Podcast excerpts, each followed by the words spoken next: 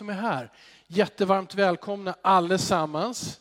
Ni som ofta kommer, ni som börjar komma nyligen och ni som är här för första gången, kanske på besök idag. Speciellt på grund av tonårsbibelskolans avslutning och de som lät döpa sig. Jättevarmt välkomna, jag heter Carl Wilhelm. Jag har fått vara pastor här i nästan tio år, vilket är en, stor glädje. Och dop, eller hur? Dopgudstjänster, dop, det är Wow, det är, det är verkligen livet. Det är, är så underbart. Yes, en ära till Gud. För det är ju, vi bekräftar ju vad han har gjort. Eller hur? Det är ingen som går och blir frälst av dopet. Men jag kommer till det alldeles strax. Jag ska försöka att tala enkelt eh, idag. Det är pingstdagen. Eh, och den är ju nästan 2000 år gammal nu för oss kristna. Och ibland så blir det lite gammalt. Vi har läst, många av oss har läst den där texten och säger, ja men jag vet ju hur det där var och är och så vidare. Och så bara, men snälla, tänk dig dånet av en stormvind, men det är ingen vind. En, en pingstdag eller en dag som så många andra i Jerusalem. Men det är ett dån som är värre än ett, ett, ett, ett tåg i hög hastighet. Det dånar. Och det får hela staden att vakna upp och ta reda var kommer dånet ifrån? Och vad händer med de där 120 första kristna? 12 lärjungar och så flera andra män och kvinnor som hade samlats dag för dag under tio dagar för att be. För Jesus hade lämnat dem, det som vi kallar Kristi himmelsfärd. Han hade lyfts upp till himlen och var inte där. Och de bara, what now? Vad ska vi göra? Oh, men de visste vad de skulle göra för Jesus hade sagt, ni ska gå ut och berätta för hela världen om mig. Och ni har sett att jag har blivit upp, uppväckt från de döda. Ni ska berätta att alla människor som tror på mig, de blir frälsta, de blir räddade. Och det är klart, spontana killar som Petrus som hade gett löftet många gånger, jag ska aldrig svika dig. Det är klart att han var redo. Nu var han laddad. Och ändå så säger Jesus, vänta. Jag återvänder till himlen och det, det vill ni. Va? Vill vi det? Ja, för det är bra för er.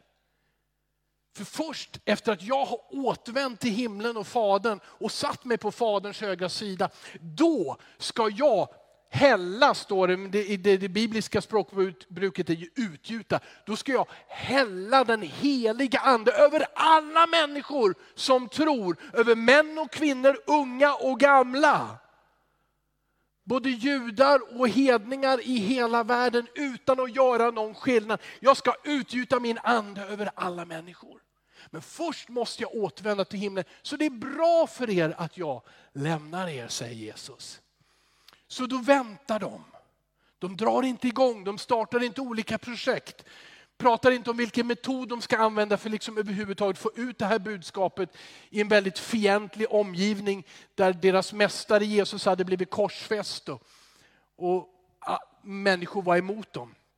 De ber och så faller en helig ande. Dånet hörs över hela staden. Och över deras huvuden så, står, så brinner det lågor som av eld. Har du läst gamla testamentet så vet du, brinner det någonstans i Bibeln, i en biblisk berättelse, då är det för att Gud är så närvarande att det märks i det fysiska, att det brinner, men aldrig brinner på det sättet att någon bränner sig. Mose brände sig inte på busken och inte ens busken brände sig på branden. Den brann inte upp. För Gud var där. Och det brann över deras huvuden. Vilket bönemöte. I love it. Oh, det är en stormvind, ja amen. Det här, för grejen är ju den att det är Gud som gör det här. Det är långt utöver vad någon människa kan göra. Det finns ingen manipulativ stämning, det finns ingen, ingen ljusshow, inget bearbetning av atmosfären på något sätt. Utan de är där och de ber och kanske bad de på sina knän. Och efter tio dagar så gjorde det ont i knäna. Men de bad och så plötsligt så kommer Guds heliga ande. Och det brinner och så händer det andra häftiga, som ni som läst det här vet, de börjar tala främmande språk. Oj, oj, oj. Och det räknas upp eh, 16 eller 17 språk eh, i, i den här uppräkningen. Hur vet vi det? Jo, för alla de här människorna som kom springande, som var nyfikna och som fattade att det här dånet, det hade någonting med de där människorna i det där huset att göra. Så de kom dit i tusental. Och så säger uh, hur, hur kan de här enkla fiskare från norra Galileen, det vill säga en allmänt outbildad region, hur kan de flytande tala våra olika språk? Och de talade om vad då? Om Guds goda gärningar. Utan att ha lärt sig, utan att, ja förstod de, det vet, det vet ju inte vi om de förstod vad de sa. Men de andra förstod. Det skedde mirakel på mirakel. För att visa att Gud är här. Och Gud förenar människor från alla nationer. Och Gud förenar och upprättar män och kvinnor, unga och gamla, oavsett vem man är. Gud kommer för alla. Precis, och det här måste ju förklaras. Och en del tänker sig, ja men du vet de här är druckna. De har druckit för mycket sött vin tidigt på morgonen. Och då känner Petrus, det här måste jag förklara. Jag är pingstvän och dricker aldrig alkohol. Ja, men det var inte riktigt så han inledde. Men han sa det, ja, det förstår ni väl, klockan är nio på morgonen, vi har inte suttit och druckit vin. Utan, och så förklarar han, det här som ni ser hända, det har er profet, och nu talar han ju till judar som kunde sin bibel. Alltså det här har er profet Joel förutsagt att i den sista tiden ska Gud själv utgjuta sin ande över allt kött, det vill säga över alla människor. Och ni ska ha syner och drömmar och ni ska profetera. Och Petrus säger, det är det som händer här och nu. Och så förklarar han, ni hörde om att Jesus, ja, vänta han förklarar inte, han säger så här till dem, ni spikade fast Jesus på ett kors.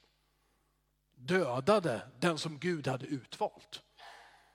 Det är ingen som hade lärt Petrus att bygga broar till människor. Ska vi hitta något gemensamt? Ni har mördat den enda som Gud skickade.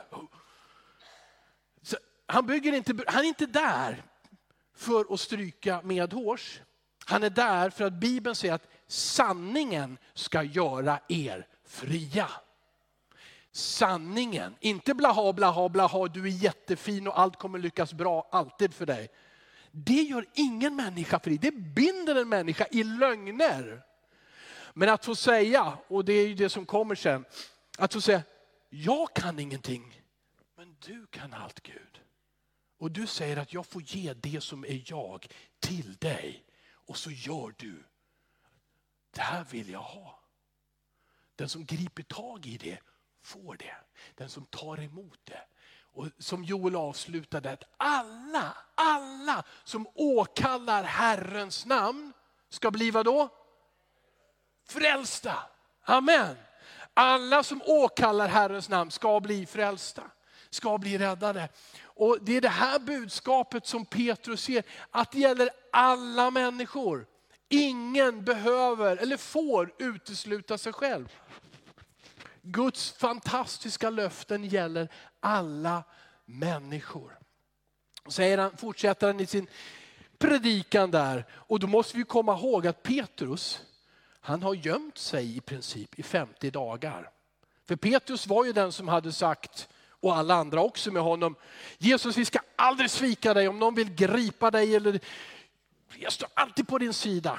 Och så kan du bibelberättelsen så när Jesus väl greps och torterades så lyckades Petrus till tre olika människor tre gånger säga, aldrig hört talas om den killen, känner honom inte, vet inte vem han är. Han bara blåneka. Men nu gör han inte det.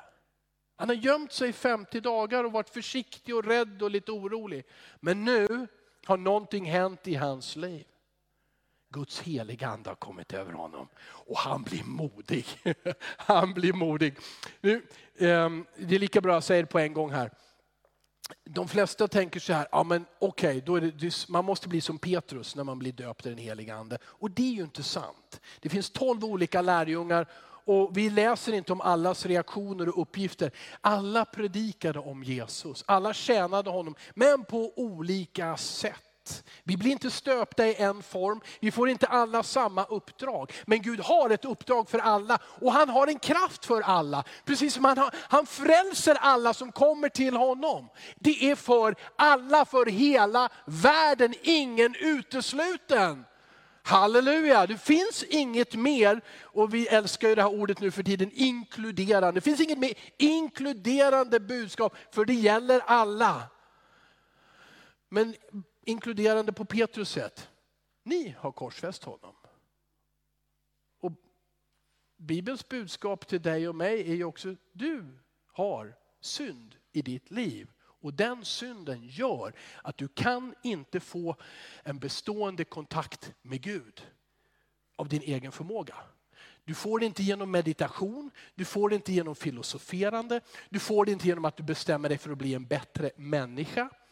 Du kan få gnuttar av härliga upplevelser.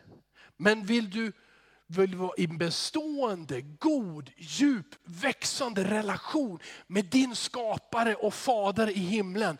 Då behöver du och jag säga, här är hela paketet Jesus.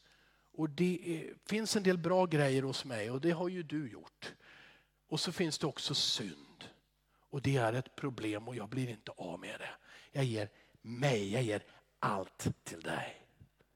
Och det är där Gud är så inkluderande. Han älskar alla. Han Jesus har dött för alla. Han förlåter den som kommer till honom. Han gör oss rena.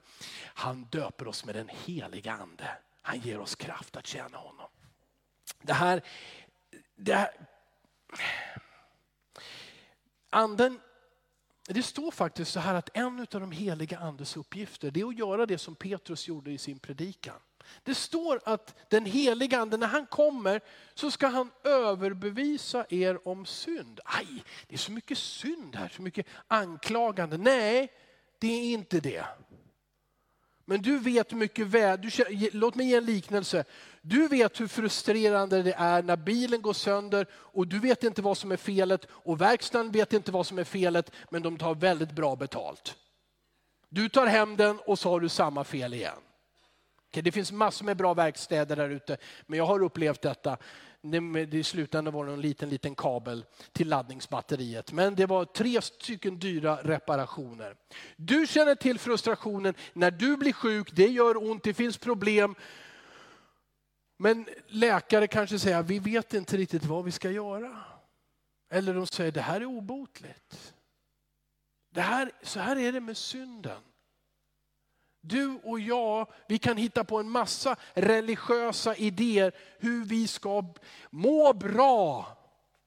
Hur vi ska vara lyckliga och acceptera oss själva och andra. Men vi lyckas ändå inte med, ja i vissa tider lyckas vi.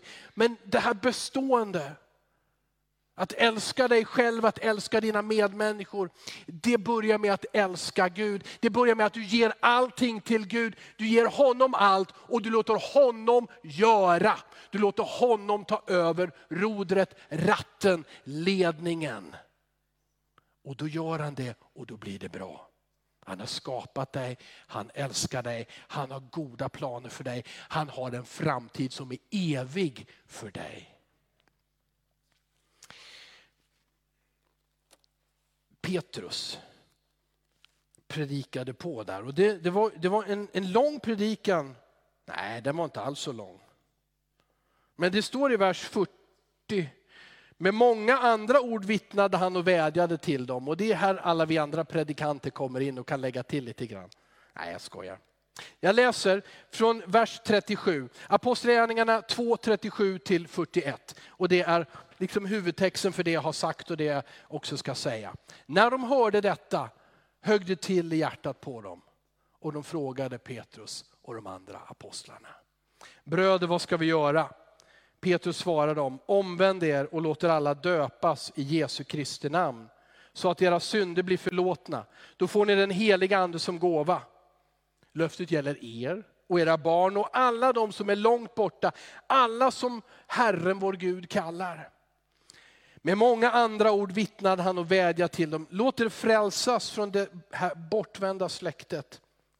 De som tog emot hans ord döptes och antalet lärjungar ökade den dagen med omkring 3000. Yes. Från 120 till 3120 på en dag och det fortsatte så. Och det har förvandlat världen. För det här är ett budskap som förvandlar världen. Men det är inte bara ett budskap, det är en kraft. Någon sa eller bad här, vi, vi ber, ska förbereda oss på att ta emot ordet. Och ordet menades predikan. Men jag vill säga låt ordet förbereda oss på att ta emot kraften. Guds kraft. Som inte är någon slags våldsam kraft utan är en kärlek som renar och förvandlar. Som är en kraft som lyfter dig ut ur det som, kan beskri- som psalmisten beskriver som en djup grop full, fylld av gyttja. Och hur går det att ta sig ur om man är ensam i en djup grop med gyttja? Det går inte. Du försöker, du grejar, du prövar igen, men det går inte. Men psalmisten skriver, du har lyft mig ut och ställt mina fötter på fast mark. Det här gör Gud för oss. Han är så fantastisk.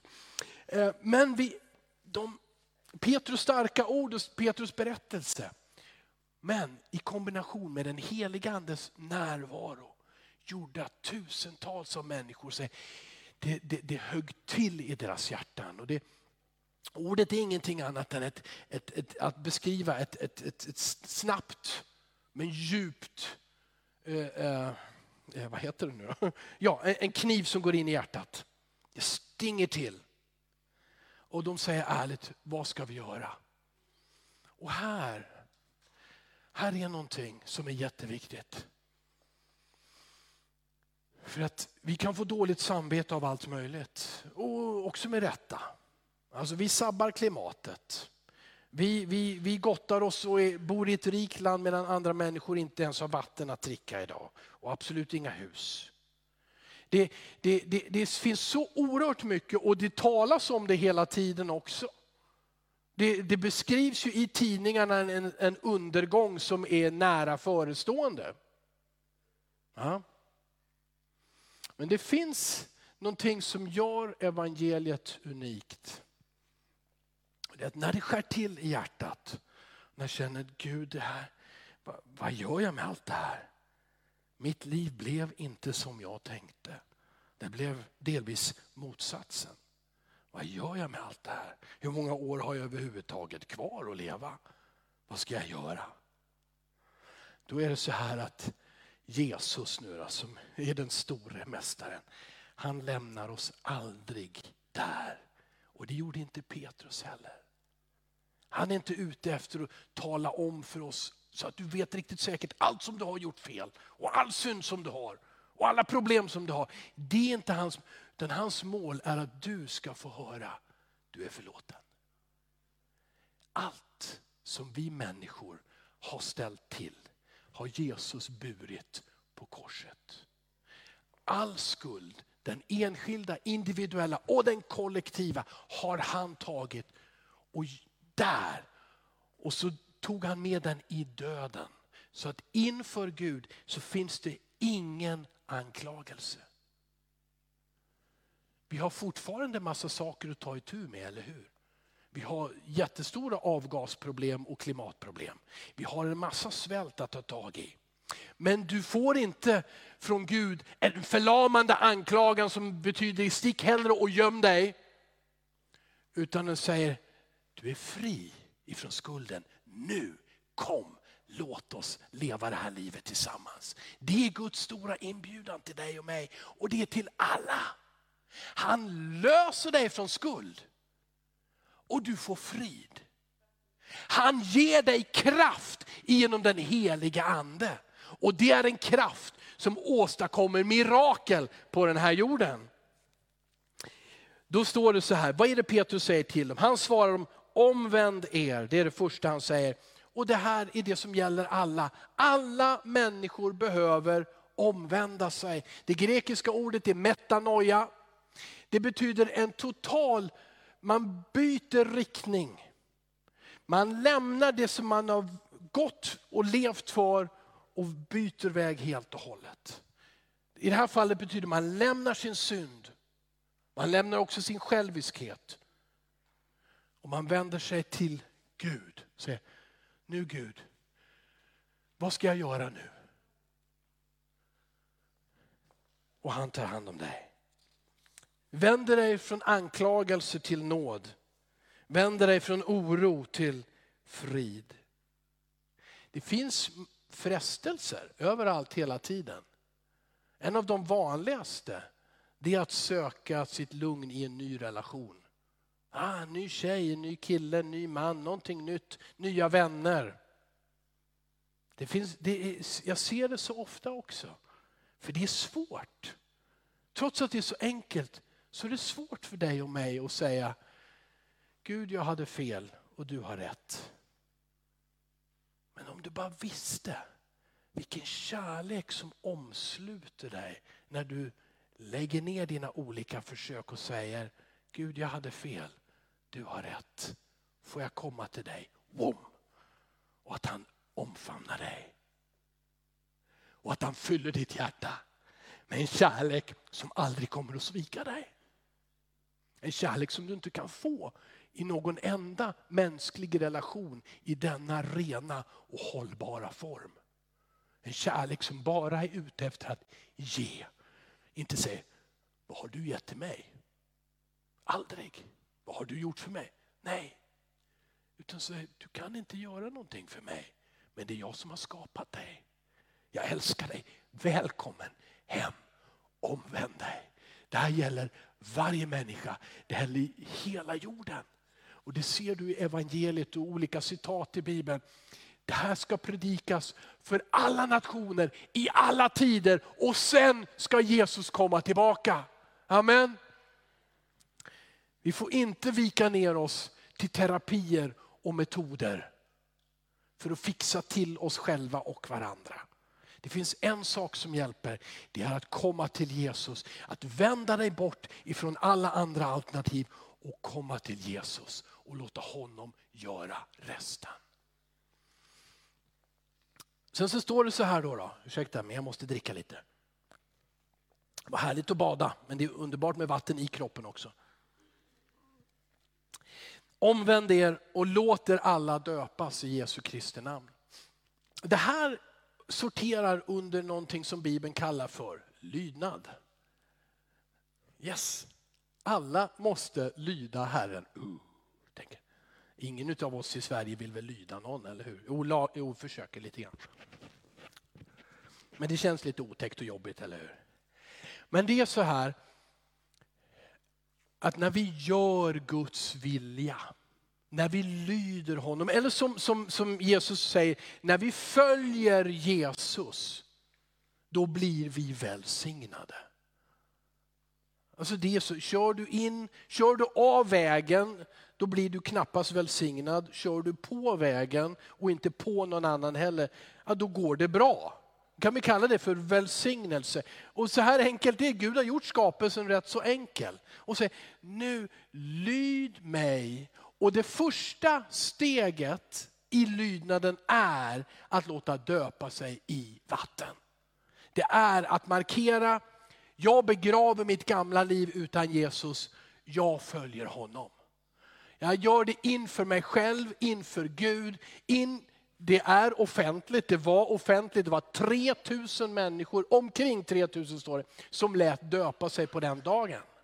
De bekände sin tro på Jesus. Och får jag lägga till det här till dig som tycker men det är svårt det här offentligt inför andra människor. Och, och jag, har, jag blev döpt en gång som bebis så jag vet inte riktigt om jag ska göra det här och så vidare. Låt mig säga så här. För de var alla judar, de som hörde det här budskapet och alla som blev döpta på den dagen. Det fanns en tradition av att låta döpa sig, men den var, ja, ni känner till den från, från, från, från eh, Johannes. Men framförallt var dopet när en icke-hedning skulle bli jude. Alltså proselytera, han skulle omvända sig och bli jude. Då lät man döpa sig. Ingen talade om för en from jude, du behöver döpa dig. De sa, vi kommer ju från Gud, vi är Guds folk. De svalde stoltheten. De lät döpa sig. Oavsett hur gamla de var, vad deras föräldrar hade sagt till dem, vad deras tro till dags dato hade sagt till dem. De sa, om Jesus säger, om vi hör Petrus säga det, då gör vi det. De lät döpa sig. Och Gud välsignar oss. Och det står, de ska bli döpta i Jesu namn och det betyder helt enkelt, man döps i tron att Jesus förlåter synd och ger ett nytt liv. Det är, handlar inte om en formel utan om en bekännelse. Jag tror på Jesus. Däremot så döper vi alltid i enlighet med Jesu ord när han sa, gå ut och gör alla folk till lärjungar och döp dem i Faderns och i Sonens och i den heliga Andes namn. Gud är en treenig Gud och det är hans namn som vi döper. Och se, jag är med er alla dagar, inte tidens ände. Men i det här så vill jag tala om och betona, dopet räddar ingen människa. Vattnet här är inte heligare eller magiskt på något sätt. Dopet frälser inte. Det är din, det är din tro som frälser dig. Jesus sa i Markus 16 och 16, den som tror och blir döpt ska vara frälst. Oh, då, men då, då var du ju där. Om Jesus, nu sa han du, du ska tro och så ska du bli döpt, då blir du frälst. Men om du läser hela meningen så säger han, men den som inte tror ska gå förlorad. Då är dopet inte med där. För det är tron eller att inte tro. Det är att ta emot eller att tacka nej eller förneka. Det är det som gör hela skillnaden. Med, hur tror vi? Vi tror med vårt hjärta. I Romarbrevet så står det att om vi tror med vårt hjärta att Gud har uppväckt Jesus från de döda och bekänner med vår mun att Jesus är Herre, då ska vi vara frälsta. Det är alltså, handlar om hjärtat, det handlar om tron. Men genom dopet så uttrycker du denna tron. Genom bekännelse med din mun, Jesus Kristus är Herre så bekänner du din tro, det som finns i ditt hjärta. Och Gud välsignar det här. Han välsignar den som går den här vägen och låter döpa sig. Som säger, jag vill vara en Jesu lärjunge. Från och med nu så vill jag framför allt följa honom genom livet. Han ska vara mitt nummer ett, min ledstjärna, min bästa vän. Amen. Och det välsignar Gud. Det står också, Paulus skriver, vi blir inte frälsta genom våra gärningar utan genom Guds nåd och vår tro. Vad är förhållandet där? Gud ger av nåd, det vill säga han ger dig en gåva. Här, du får livet. Du får gemenskap med mig och sen vishet och kraft och välsignelse. Och du får det gratis. Oh, fantastiskt, det är Guds nåd som ger det. Men vad är tron då? Jo men tron är att om du får en gåva inslaget i papper Varsågod Robban. Tack. Den ställer jag på bokhyllan Kalle. Jag ska öppna den nästa år. Men du fyller år nu. Ja, du öppnar. Bra Robban. Bra. För det är det det handlar om. Att ta emot gåvan. Att ta av snöret och pappret och njuta för det här är ditt. Det här är ditt. Det här är att tro, att ta emot det som Gud ger och han välsignar dig. Ja. Okej, okay. jag tittar på klockan. Det var dumt gjort. Så jag ska avsluta. Mm. Det är ändå så här att tron är avgörande för alla troende. Det är den väg som Jesus befallde oss att gå. Så gå den här vägen, låt döpa dig och följ mig. Och jag ska välsigna dig och vara med dig. Så omvändelsen gäller alla och dopet gäller alla. Och utan att argumentera jättemycket med dig, men du får självklart alltid komma och samtala med mig och med andra. Om du säger, ja, men jag, jag har uppvuxen i en annan kristen tradition. Och då säger jag, okej, okay, då läser vi Bibeln tillsammans. Var i den kristna tradition som du följer står det att små bebisar ska döpas? Var vänder Bibeln och säger först kan du bli döpt och sen så småningom så kan du skaffa dig en tro, liksom, låta den växa fram. Var? Aldrig. Följ det, det. Eller hur? Det går inte dina föräldrar, ja det kan ju hända i vissa kulturer, men det vore väl inte bra om, dina föräldrar, om våra föräldrar gifter bort oss som små nyfödda bebisar och säger du ska vara gift med den här. Eh, när du blir 25 så får du börja lära känna honom eller henne. Det passar bra. Till dess ska du vara hemma och tjäna lite pengar också för familjen. Sen kan du. Det funkar man, det är inte så. Du tror först. Jesus kommer in och du vet, det här är det bästa som någonsin kunde hända mig. Det här kan jag inte släppa. Det spelar ingen roll att jag tidigare kanske har skämts lite för att stå inför andra människor. Jag ska ner i det där vattnet, jag ska bli döpt. Jag ska följa honom som har förvandlat mitt liv. Amen. Och så säger han, och det, det här, är ju, det här är ju tredje punkten så ni får inte gå hem än. Det här, då får ni den helige ande som gåva och det här löftet gäller alla människor. Och det som skedde på pingstdagen med många där, det ska ske med dig och mig som tror. Och även om och om igen. Paulus skriver, låter, fyll, låter ständigt eller låter alltjämt fyllas med den helige ande. Och vad är det att bli fylld med den helige ande? Jo, säger du som går i pingstkyrkan så länge, då talar man i tungor. Då får man ett konstigt språk och så kan man prata det. Och då har man liksom fått det man kunde få. Hoppas att du aldrig säger så. Det står att ni ska få kraft. Kraft! Och det är ingen, inte vilken kraft som helst. Det är inte kraft att gå fram till eh, kaffeapparaten och sätta på den. För den hade du tidigare också i ren desperation. Så det handlar om en, en, en mirakulös kraft där under och tecken och det övernaturliga sker. Och det är en del av ditt liv. Det här är Guds plan. För han visste mycket väl att 12 små lärjungar och även med, med, med, med 108 andra kompisar kan aldrig förändra världen. Men Jesus sa, jag lämnar er, men jag kommer till er. Hur kommer du till er? Jo, jag kommer genom den heliga ande.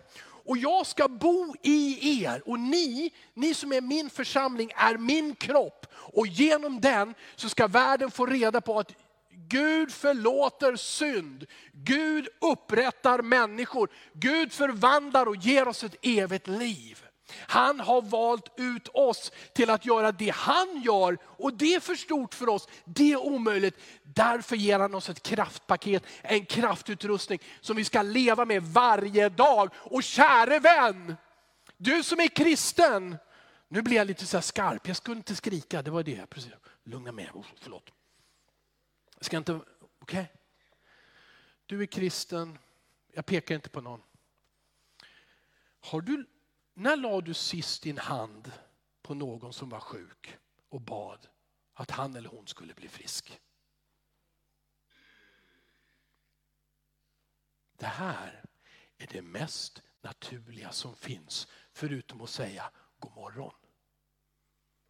Det här är Guds församling. Du har ett uppdrag och du har en kraft. Du har en lösning för människor. Det budskap som du har kan ge människor frid. Så att de säger, wow, jag har varit en sökare hela livet men nu är jag hemma. Du har, det är inte en trollkarl som vi behöver. Gud har gett det till dig och mig att be för varandra och se Gud göra under lösa trasiga ekonomier, hela hopplöst sjuka.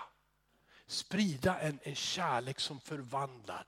Det här är Jesu kropp. Du som tror på Jesus och har blivit döpt och som följer honom. Du är en del av Guds församling, av Jesu kropp. Och genom dig ska den heliga andes kraft flyta. Och du ska aldrig han kommer att ge dig mod att predika hela evangeliet, att säga sanningen som den är. För det är sanningen som gör den här världen fri. Löftet gäller alla. Det gäller dig. Amen. Vi ska strax fira nattvard tillsammans. Och jag ska leda oss över det.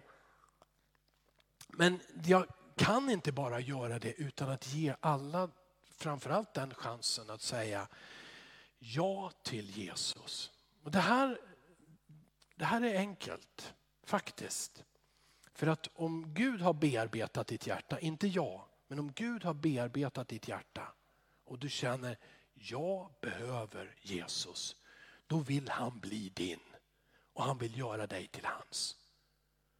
Och det sker genom att du med ditt hjärta sätter tro till honom. Jag tar emot dig. Med din mun säger jag tar emot dig Jesus. Jag vill bjuda, uppmuntra dig att göra det nu.